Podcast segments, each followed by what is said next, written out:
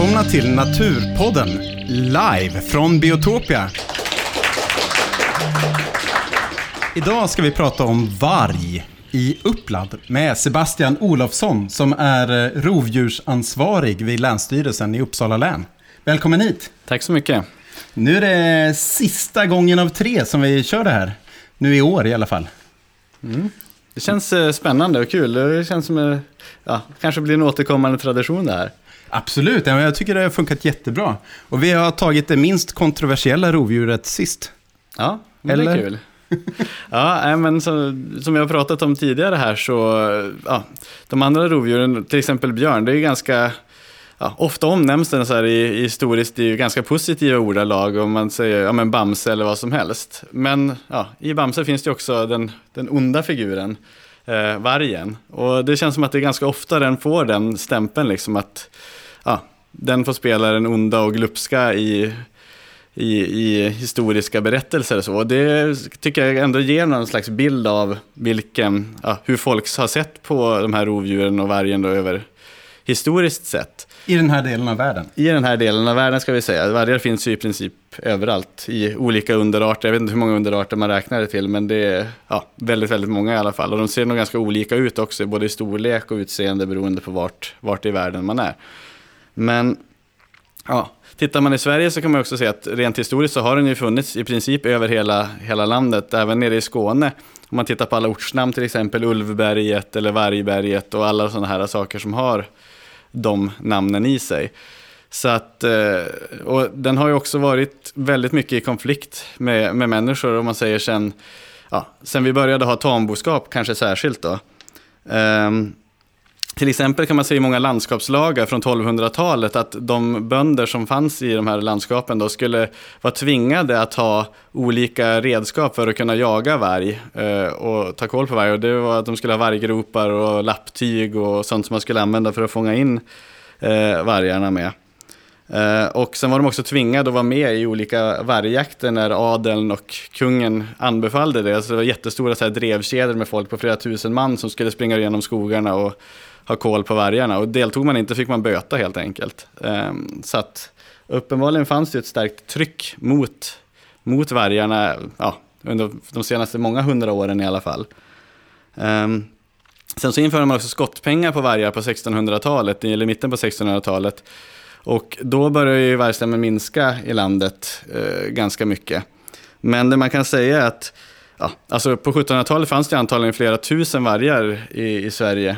Och eh, som sagt, över hela landet. Eh, men då, i slutet på 1700-talet så införde man lagar som sa att ja, du som ägde mark fick jaga på din mark.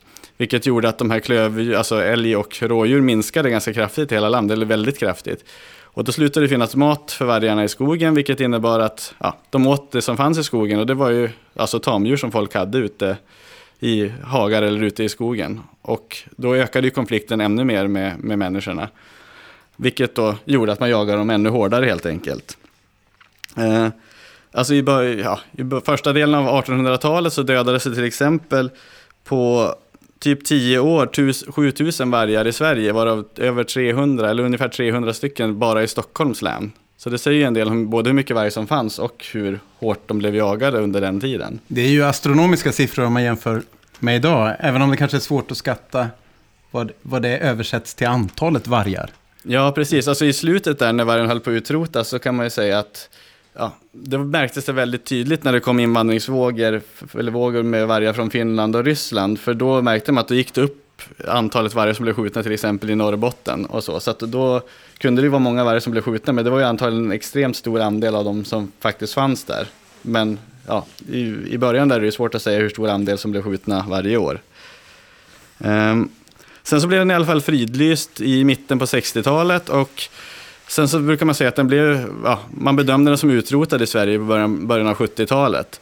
Sen kom det in vargar där i slutet på 70-talet i Norrbotten och det föddes även en kull, men de, blev, ja, de dog på olika sätt kan man säga. Det var både illegal och illegal jakt som jag har förstått det. Och i början på 80-talet så kom det in eh, ett, ja, en varg som började, började föryngra sig i Nyskoga-reviret i Värmland. Och det var typ 82-83 tror jag som de fick en valpkull. Eh, det var ju två vargar uppenbarligen som, som kom in från fin Finland och Ryssland. Då. Eh, sen kom det också in en varg från Gillhov i Jämtland i början på 90-talet. Eller den kom till Gillhov i Jämtland i början på 90-talet och det började födas vargkullar där. Och sen så har vi också att invandrade vargar 2008. Eh, två stycken, Kynna-vargen och Galvenvargen som kom in då från Finland och Ryssland. Sen så har ju de här förökat sig och de har ju parat sig med varandra ja, deras avkommor och så. Men det är egentligen de som är grunden för hela den svenska och eller hela den skandinaviska vargpopulationen. De fem Ja, precis. individerna. Det, och det har ju också gjort att inavelsgraden i den svenska vargstammen har varit väldigt hög och den är fortfarande väldigt hög även om den har, har sjunkit en del på, på senare år. Eh, sen har efter de här fem grundarna så har det kommit in andra finsk-ryska vargar också, bland annat den här det var ju två vargar från, eh, jag kommer inte ihåg vart de kommer ifrån, men som flyttades ner till Tiveden. Övertorneå-trakten. Ja, precis. Men de, ja, de finns ryska, som visade sig vara syskon. Men, men de är ju ändå helt annat inavlade än vad de svenska vargarna är. Så att de har ju ett stort genetiskt värde ändå. Men de verkar inte vara så jättebra på att få avkomma som sprider sig i vargstammen ändå. Så att de, ja, vi får väl se om de dyker upp, deras valpar. De har haft lite otur de valparna också. Någon har stuckit till Norge vid fel tid på året. Ja, det, jag, jag undrar om det är typ 11 valpar de har fått som man har dokumenterat. Och nio av dem vet man är döda i olika ja, incidenter av olika slag. Så att det är ja, inte superlyckat så. Eh, sen så har det kommit in en vargkull från, i ett revir som heter Tunteri i Dalarna som också har en invandrad varg där som är genetiskt viktiga. Då. Och eh, sen finns det någon en invandrad vargvalp som går tillsammans med sin pappa nere i Västra Götalands län som man inte riktigt har koll på vem, vart mamman kommer ifrån så vitt jag vet. Men man vet att det är en immigrant, så att, eller en ja, finsk-rysk varg då, så att den är också värdefull. Utanför Uddevalla va? Mm, Det- av alla ställen. Av alla ställen. Men ja, där kan man vara. Det stora problemet är ju för de här finsk-ryska vargarna att de ska ta sig ner genom hela renbeteslandet och Norrbot ja, ja, från Norrbotten ner till Mellansverige där de svenska vargarna finns. Då. Det, ja, dels är det långt och de har ingen anledning att springa ner där egentligen. Och de stöter på en massa problem med renar och eh, ja, andra mänskliga eh, interaktioner. Så att det, det är inte så lätt för dem att ta sig ner hit. Eh, man kan väl säga att de senaste åren har vi ändå legat mellan 300 och 350 vargar i hela Sverige. Och eh, då har ju Naturvårdsverket kommit fram till att vi ska ha minst 300 vargar i landet baserat på de, den forskning som finns och det ska vara minst en finsk-rysk invandrad varg som ska föröka sig varje, varje generation då, vart femte år för att inavelsgraden i landet inte ska bli för hög eller att man ska kunna få en ja, uthållig population som inte dör ut av inavelsdepression eller något annat. Eh, lite generellt om vargar. De, ja, ni vet ju hur en vargflock fungerar. Liksom. Det finns ett föräldrapar och sen så får de valpar och ibland stannar valp, tidigare valpar kvar. De flesta vandrar ut när de är ett år men ibland kan de bli kvar i ett par år. De får typ fem valpar per kull. Det är lite olika. Det, det, man har väl hittat allt mellan typ en eller två valpar upp till tio eller något sånt har jag för mig. Eh, man tror att de, ja, i det vilda har de en medellivslängd på åtta år. Eh, men de, alltså det är en väldigt stor andel som dör när de är unga också. Det är, ju, ja, det är inte väldigt sannolikt att alla valpar i en valpkull överlever, utan det brukar vara ja, ett visst bortfall, som det är på de flesta. En del tycker att man ska benämna det familjegrupp istället för flock. Har du hört det? Ja, precis. Jo, men det finns ju lite olika alltså, benämningar och det är inte alltid så. Ibland så pratar man om en föryngring och då pratar man om ja, en familjegrupp som har fått valpar det året. Och ibland pratar man om familjegrupp som en familjegrupp och det är minst tre vargar som går tillsammans då. Eh, så under inventeringsperioden och ibland så pratar man ju om ett vargrevir och då kan man antingen mena det ena eller det andra och en flock kan också vara det ena eller det andra. Så det finns ju mycket, många olika sätt att uttrycka sig på och det är inte alltid typ klart vad någon menar när de säger något. Men grunden är väl att det är två föräldradjur och sen är det deras avkommor. Det är inte liksom obesläktade djur. Nej, det är... I grupp. Precis. Nej, nej, men precis. Det är, ja, är det fler än två vargar som går tillsammans så bör de vara besläktade på, på något sätt. Eh, annars skulle det vara något som inte... Något som är konstigt. Eh, Eller så vill de göra barn. Ja, ja precis. Men då, om det, då räcker det med att det är två förhoppningsvis. Ja. ja, de äter främst älg, eller det är främst så att de har funnits där det har funnits älg. Man brukar säga att de äter ungefär 120 älgar per år. Och det spelar ingen roll om det är ett revirmarkerande par eller om det är en hel flock på tio stycken. Eller ja, en familjegrupp på tio individer. För då, ja, de äter ungefär lika mycket. Skillnaden är att de inte äter upp lika mycket av de älgar som de dödar om det, ja, om det är få vargar som delar på dem. Så att, Eh, vi på Länsstyrelsen vi spårar de här. Det, det är så vi gör för att inventera dem framför allt. Vi kan antingen få bilder på dem på åtelkameror, men framför allt så är det att vi samlar DNA ut och spårar dem under vinterhalvåret och samlar DNA av de här revirmarkerande djuren, alltså ja, föräldradjuren om det är ett revir eller ja, de två revirmarkerande djuren. Då.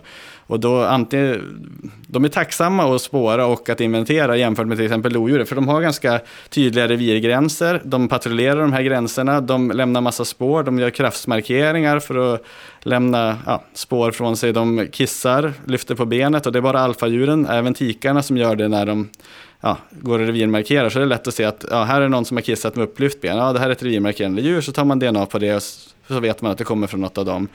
Och sen så, ja, de bajsar ofta längs vägar där vi också åker och letar spår. Så att, det är väldigt tacksamma djur ändå, får man säga, att inventera. Åtminstone om man ska hitta revir, ja, de som är invandrade i revir. E-, ensamma djur, vargar som bara är ute på vandring, de har vi inte lika bra koll på. Liksom, utan de kan ju vara lite, dyka upp lite var som helst. Eh, till Uppsala då, så vi måste hinna med det också, tänker jag. Och där kan man väl säga att ja, vi har ju haft en fast vargstam tidigare och tittar man på hur många vargar som fanns där på 1700-talet så är det uppenbart att det fanns en hel del vargar även i Uppsala. Eh, den mest berömda vargen historiskt sett är Gysingevargen, en eh, klassiker. Det finns en hel face, eller Facebook-sida, en Wikipedia-sida om, om Gysingevargen som man tror var en viltfångad varg som sen ja, hölls i fångenskap typ 1817. Så var det någon på något gods i Gysinge som ligger precis på Gästrikesidan eh, uppe i nord, ja, Gästrikesidan av Norduppland kan man säga. Och eh, den eh, rymde väl, eller om de släppte ut den sen, och sen så började den döda folk. Eh, det sägs att det var lite populärt på den tiden att ha vargvalpar. Ja, ja. Bland de, de, de lite välbemedlade. Ja, jag vet inte vad grejen skulle vara, men det är klart, folk tycker att mycket konstiga saker är coolt. I USA har de ju krokodiler i badkaret och sånt. Så det... De är ju väldigt gulliga i början. Ja, men eh, sen kanske man upptäcker att de inte är så gulliga och så släpper man ut dem och det är inte jättelyckat. Så att den ställde till en massa oreda och tog koll på ja, främst barn under typ ett års tid där. Så att den, den är ju mest ökända och mest berömda vargen som är tydligt att den, ja, den rörde sig uppenbarligen i Uppland också. Då. Um, det finns rätt mycket varg i länen runt omkring oss. Ska vi vänta där i Gysinge? Det, det, är väl också när man pratar om hur farlig varg är. Och det, det är väl det mest väldokumenterade fallet där varg har, riv, har dödat människor. Ja, så vitt jag vet så är det det senaste fallet i Sverige i alla fall. Och man, ja, man har väl blivit bättre och bättre på att dokumentera saker. Åtminstone i, i vilt tillstånd så att säga. Ja, eller halvvilt då, eller vad man ska ja, kalla ja, det. Ja, men precis. Så det var ett special, för det var inte vilken varg som helst, utan det var en varg som det verkar ha varit. Det är svårt med bevis när det har gått lite tid. Ja, ja men precis. Man hade inte DNA heller, så, så man kan inte svära på att det var samma varg. Men det var ett så pass begränsat område under en så begränsad tid, så det är väl högst sannolikt att det var samma varg och att det slutade det en när, när en varg sköts. Ja, liksom. precis. Det upphörde. Exakt. Eh, nej, men sagt, det finns ju vargar lite grann överallt i länen runt omkring oss. Gävleborg har ju ganska gott om varg och det finns varg i Västmanland och det finns varg i Dalarna. Så att, att det vandrar in vargar i vårt län, det har det nog gjort under ja, överskådlig tid, eller väldigt lång tid. Men eh, sen så har det inte funnits något fast revir här på väldigt, väldigt länge, utan det var först 2015 var det nog som, det måste det ha varit 15, som det kom en tik från Riala-reviret som låg på Stockholmssidan då, som vandrade upp och bosatte sig uppe i, runt Glamsen, alltså Älvkarleby-trakten, precis på gränsen mellan, Stock, eller vad säger man, Uppsala och Gävleborgs län. Och eh, ja, det kan man berätta en massa om. Det är kul med vargar när man kan prata om individer. Så att, eh, ja, en av hennes föräldrar kom ju från Galvenhamnen, en av de här invandrade finsk-ryska vargarna. Eh, som sen vandrade över till Värmland och skaffade en ny vargtik i Värmland från Brattfors. Och sen så fick de valpar och sen så blev han skjuten när han angrep en hund någonstans. Och så, där. så att man kan ju prata hur länge som helst om enskilda vargar, men ja, det finns det ju inte tid till. Men i alla fall slog hon sig ner där. Sen kom det en hanne från Loka-reviret som väl också ligger i Värmland någonstans. Eh, och de fick valpar i två år. Sen försvann den här hannen därifrån. Och eh, då, sen så fick vi dokumentation här 2017 att ja, det verkar ha fötts, fötts valpar i reviret igen. Blev jättenyfikna på så vi har inte sett till hannen här på länge. Vad kan det här vara för spännande? Det var, det var där som det var en naturfotograf som tog kort på valparna. Med. Ja, precis. I september fick vi bilder på vargvalpar som han hade tagit på en skogsbilväg. Och då ja, tänkte vi att det här måste vi reda ut. Och sen så började vi samla in spelning och så visade det sig att nej, vi först fick vi ja, DNA från ett revirmarkerande par och det fattade vi inte riktigt för det var tiken och sen så var det en av hennes tidigare valpar som gick tillsammans där och vi tyckte som att båda de här revirmarkerade, men det verkar ju konstigt att någon av valparna skulle revirmarkera. Men sen visade det sig att han också var pappa till sina egna halvsyskon. Eh, så det fanns en förklaring till det och det är ju kanske inte jättebra för inavelsgraden i eh, svenska vargstammen och inte i det reviret heller, för nu är det den mest, näst mest inavlade reviret i Sverige. Eh, om det är något att skryta med vet jag inte, men det är det i alla fall. Trots att tiken då är släkt med en relativt, på relativt kort väg till, med, med galvenhanen.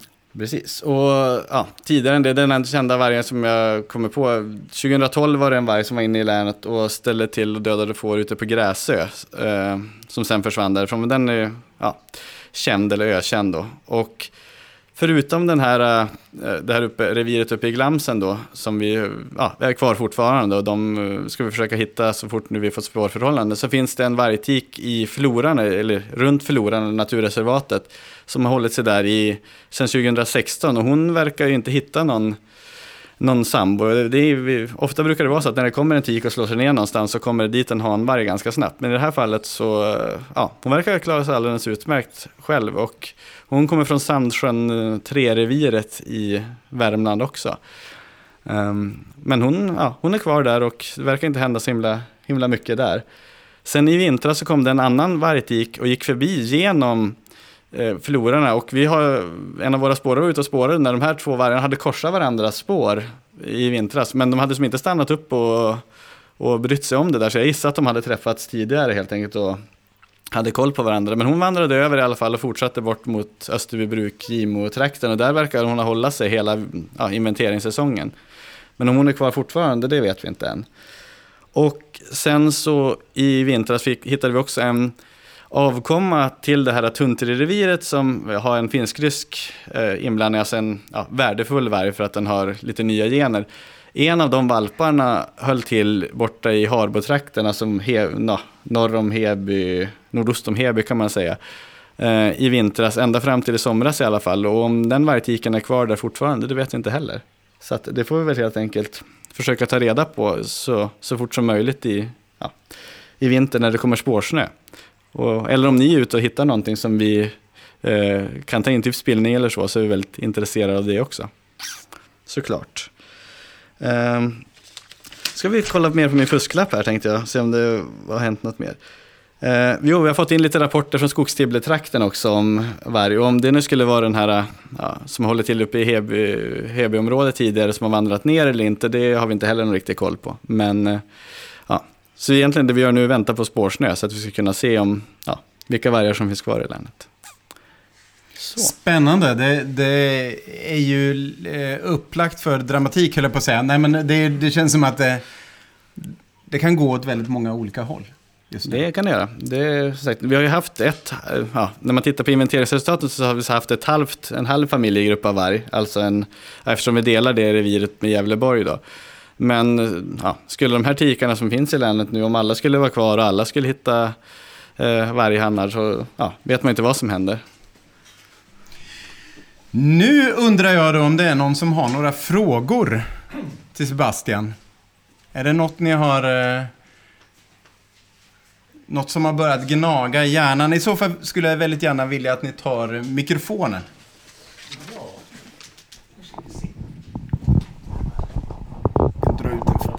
Jo, jag undrar om det här galvenreviret nu då, eller den här äh, tiken som blev av med hannen då.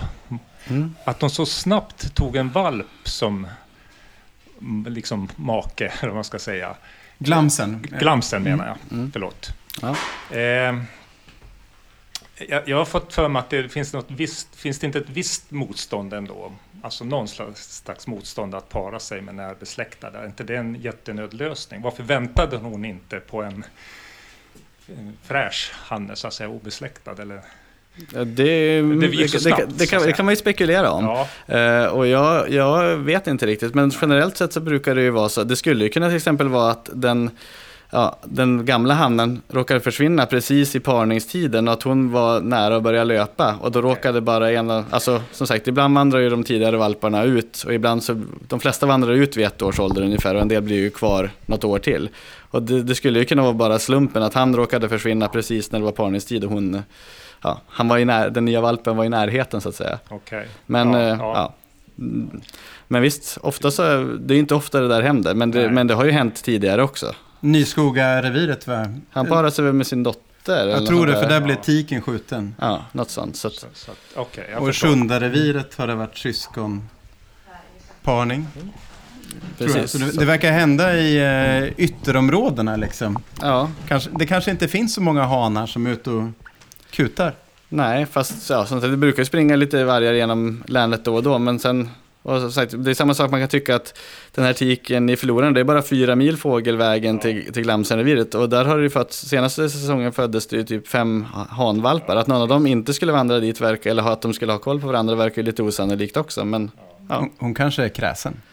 Ja, det kan man fundera på. Ja, jag tänkte fråga om just eh, tiken i flororna. För hon har varit där i två år eh, utan att ja, skapat en familjegrupp. Eh, är det typiskt att tikarna är väldigt alltså, revirtrogna? Eh, eller är det något som bara är specifikt för henne? För jag tycker ändå det låter konstigt att hon kanske inte... Hon vill väl ändå para sig, tänker jag. Eh, eller är det typiskt att tikarna eh, är kvar i ett revir och väntar på en hanne? Eller skulle en hane kunna göra likadant och vänta på en tik? För det känns mer som en hane skulle ja, ge upp och hitta ett nytt revir? Ja, men oftast är det ju så, alltså om man talar generellt. Sen finns det är väl individbaserat också, men oftast brukar man säga att de, hanar kan ju vandra runt och slå sig ner någonstans och kommer inte dit någon tik så då drar de vidare. Men det finns ju undantag. Det var ju en hanne som var nere i Skåne och härjade runt i, ja jag vet inte, var det typ fem år eller något sånt. Mm. Och han verkar ju trivas alldeles utmärkt där nere och där verkar det inte ha kommit ner någon tik. Men, det, men oftast brukar det vara så att om en tik slår sig ner någonstans så går det ganska snabbt att det kommer dit en, en hane och att det blir någon slags parbildning. Mm. Så att oftast är det ju så. Men, och jag är helt övertygad om att det har passerat hanvargar förbi florarna. Det skulle, jag skulle bli mycket förvånad annars. Men varför hon inte har... Men kan det vara så att hon har parats, bara att hon inte får valpar? Ja, alltså, ja, det är svårt att säga. Eh, det är svårt att fråga och för att få reda på det skulle man ju i princip ja, antingen behöva söva henne eller göra något, alltså skjuta henne då för att kunna ta reda på det. Men ja, det kommer rapporter om löpblod i förlorarna så att så långt i hela den fysiska processen så verkar det ju inte vara något som inte stämmer. Men de brukar gå tillsammans va? Om, de, om det kommer en hane, det finns en tik och hon löper så brukar de gå tillsammans. Mm. Jag tror inte ni har spårat två vargar Nej. tillsammans. Det utan det är bara den här eh, tiken i öster då, som har korsat. Ja, precis. Och sen, sen tiken i florarna, hon, hon eh, revirmarkerar ju. Mm. Så hon, hon betraktar ju det som sitt. Så gjorde hon ju inte till att börja med. Nej, nej så att... Då kissade hon hukande, nu kissar hon stående. Ja, precis. Alltså hon, och kraftsmarkeringar också. Så att hon kommer nog... Alltså jag, hon kommer säkert vara kvar, men ja, ja, nej, svårt att svara på vad det beror på. Vi är också konfunderade. Eh, vad tror du om eh, framtiden i Uppsala? Eh, finns det goda förutsättningar för fler revir, både med tanke på utrymme och eh, tillgång på bytesdjur och så? Ja, det, det, är en diskussionsfråga. Det beror nog på vem man frågar. Och ja, jag kan inte svara på vad som är lagom mängd och vilket förhållande man ska ha till exempel mellan vilket jaktligt utbyte du ska ha som människorna ska kunna ha av, av eh, ja, älgar till exempel i förhållande till hur många som vargarna ska få ta. Det, det är svårt att svara på men man har ju, alltså plats finns det ju. Det, man kan ju säga så här, det, det bor mycket folk i Uppsala län. Men å andra sidan så bor det mycket folk i Riala-området i Stockholms län också. Och dit verkar ju vargarna söka sig ändå. Vilket, ja, det finns ju mass, oändligt många andra ställen som skulle vara minst lika bra för vargar att vara på. Men ändå så hamnar det väldigt ofta vargar där. Så att de verkar ju hamna på sådana ställen där vargar har trivts tidigare. Exakt vad det beror på det vet jag inte. Men, men uppenbarligen verkar en del vargar trivas här. Och det har ju funnits vargar här ja, historiskt sett. Så att, att de skulle vilja söka sig hit, det tror jag absolut. Och att det skulle kunna bli fler revir. Men sen så är frågan sådär, ja, hur mycket skador skulle de ställa till med? Vad skulle det ställa till med för problem? Och hur ska man hantera det då? Det är svårt att svara på innan liksom, utan det får man nästan vänta och se vad, hur det blir. Men har ni sett ut några områden? Har man liksom tittat på länet och sett liksom, ja här kanske det skulle funka och här kanske skulle funka, men här kanske det inte Ja. funkar. Ja, alltså man, det går ju att göra sådana beräkningar. Man tittar på där, vart har du högst fårtäthet. Till exempel så kan man ju säga att det, är, det vi har bedömt är att det är väldigt olämpligt att ha vargar ute vid skärgårdsbeten till exempel, eller skärgårdsöar, därför att det blir det så pass begränsade områden och det finns väldigt höga fårtätheter där. Att det skulle vara olämpligt. De är inte stängslade alls va? Nej, det, Det- så, det brukar ju folk inte ha eftersom ja, det är öar och så. så men, eh, ja, men problemet är ju att det är svårt att säga åt vargarna vart de, vart de ska vara också. De hamnar ju där de hamnar och sen får man försöka utgå från det. Liksom, att jaha, nu blev det ett vargrevir här. Ja, hur ska vi hantera det här? Och ja, se vad som händer egentligen. Men det är inte så att eh, Naturvårdsverket har liksom bestämt att de olika länen ska ha olika... Alltså att man vill liksom eh, låta vargar etablera sig utanför de liksom varje län som finns idag där de flesta revir finns. Jo, man vill ju gärna se en utökning av eh, Alltså att de ska, vargarna ska sprida sig så att man ska kunna minska koncentrationen där de är som tätast i ja, men Dalarna och, och Värmland till exempel. Men eh, sagt, ja, man vill ju gärna att de ska komma lite längre söderut i Sverige också. Och, men det är ju väldigt begränsat eftersom man har rennäringen uppe i norr och sen så har man väldigt mycket får och folk i södra Sverige. Så att de, någonstans är de ju begränsade här. Men Uppsala har, är ju en del av spridningszonen för varg. Så att, och det var väl någon gång man gjorde en undersökning för att länen skulle se ut områden där det var tal om utplantering av, eller utplacering av, eller flyttning av vargar. Att man skulle se ut lämpliga områden i olika län och det gjordes ju. Men som sagt, det, det känns ju inte aktuellt längre så att nu kommer de nog hamna dit de, där de hamnar. Eh, ja, om vi fortsätter på revirspåret då.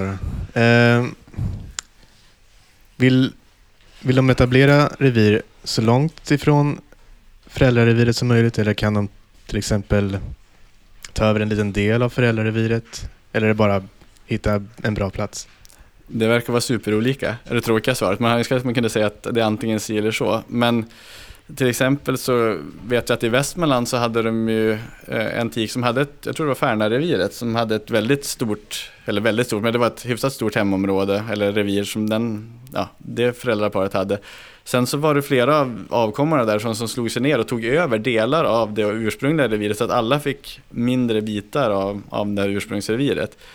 Men samtidigt så jag menar, flera av vargarna från Glamsen, en har man hittat borta i Oslo, en har man hittat uppe i Piteå och en har man hittat i Värmland och sådär. Så att de, ja, en del verkar gå svinlångt, andra verkar knappt flytta sig alls. Jag vet inte exakt vad det beror på, men man skulle ju kunna gissa att eh, alltså främmande vargar som dyker upp i andra vargrevir är inte supervälkomna. Så att finns det en massa vargrevir precis runt omkring så kan det vara ganska smart att schappa utanför dem innan man får för sig att slå sig ner om man är ensam, en ung, nyss utvandrad varg. Så att, ja, det, där skulle man kanske kunna se en koppling. Där det finns mindre varg runt omkring är det lättare att slå sig ner i närheten. Kan man anse vargpopulationen som en metapopulation? I förhållande till, Om man ser den skandinaviska halvön liksom. Om det sker utbyte mellan populationer i Norge mot, i Sverige liksom. den svensk-norska är ju samma population. Där, där sker det utbyte i alla gränsrevir och det är många vargar från Norge som vandrar in i Sverige och tvärtom. Till exempel den här ena vargarna i Uppsala är ju från ett Lerkänna-reviret i Norge. Så att den är ju exakt samma, men sen så kan man väl säga att den populationen är ju ja, svagt sammankopplat med den finsk-ryska kan man säga. Det är ju ett sipprande utbyte. Så att det är väl en definitionsfråga på vad man anser att de, om de är sammankopplade eller om det är en separat. Man kan, kan nog säga att den skandinaviska vargpopulationen är en zink och eh, den finsk-ryska är en source. Än så länge verkar det inte ha skett någon vidare spridning från den skandinaviska tillbaka. Nej. Även det kanske har hänt någon enstaka individ, men Ja, nej men det, det nej, men verkar vara åt andra hållet som den, den, Mm. den eh, huvudsakliga strömmen går.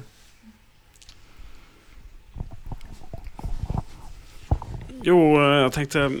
Vet man om det är många finska, finsk-ryska vargar som försöker men fastnar på vägen på olika sätt? Ja, nu har jag inte i huvudet, men det är ju ganska många varje år som man hittar uppe i Norrbotten och som de hittar på finska gränsen eller på den sidan som är på väg in till Sverige. Men som antingen, ja, om jag vet inte om de vandrar tillbaka, det gör säkert en del för att de börjar gå en bit och tänker fan här fanns det inga vargar. Eller så försvinner de på annat sätt eller så blir de skjutna på skyddsjakt eller så händer något annat med dem på vägen ner. Det är, ju- det är inte helt ovanligt att de drunknar till exempel heller. Så att, men det är betydligt väldigt många fler som försöker komma in till Sverige än vad som faktiskt lyckas ta sig ner till ja, den svenska vargpopulationen. Så är det ju. Ja, och det är lite det som är framtiden för den skandinaviska vargpopulationen. Eller det är liksom det som är nålsögat va?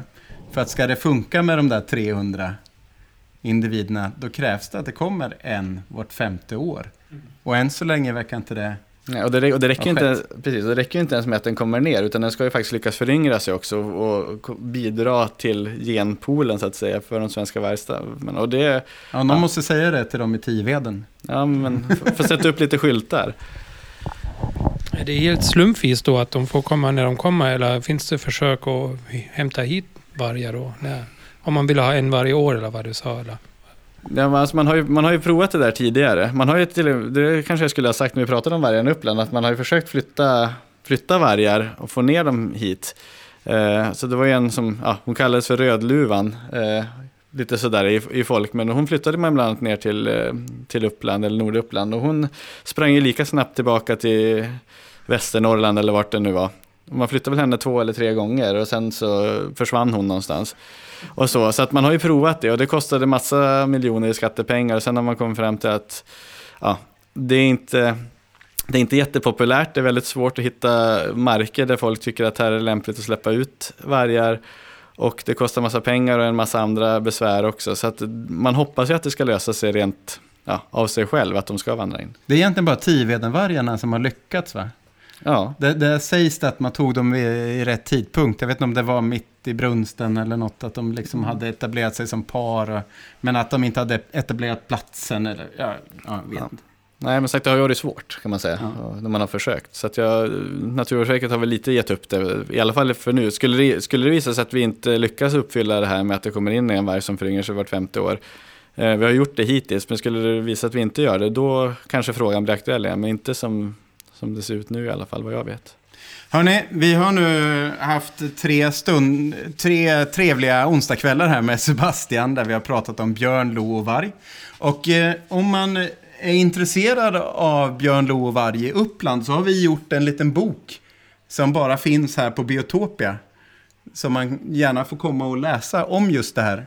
Jag har till och med med Rödluvan, Junsele vargen. Det finns någon bild från Naturvårdsverkets sida. Vi har faktiskt bilder på valparna från Glamsenreviret. Och vi har, eh, som, som de som sitter där i publiken ser, eh, väldigt fina bilder på lodjur. Som är tagna vilt i Uppsala län. Så då, den får ni gärna bläddra i sen. Och jag vill säga ett varmt tack till dig Sebastian som har varit här och pratat med oss. Tack för att jag fått komma hit, det är jättekul att få vara ute och prata. Stor applåd för Sebastian. Och så får vi tacka så jättemycket och säga god jul och gott nytt år och, och allt sånt. Och rapportera rovdjursspår om ni ser dem, säger jag. Ja, vart gör man det? På Scandobs? Precis, vi har en hemsida man kan rapportera, skandobs.se. Gör det.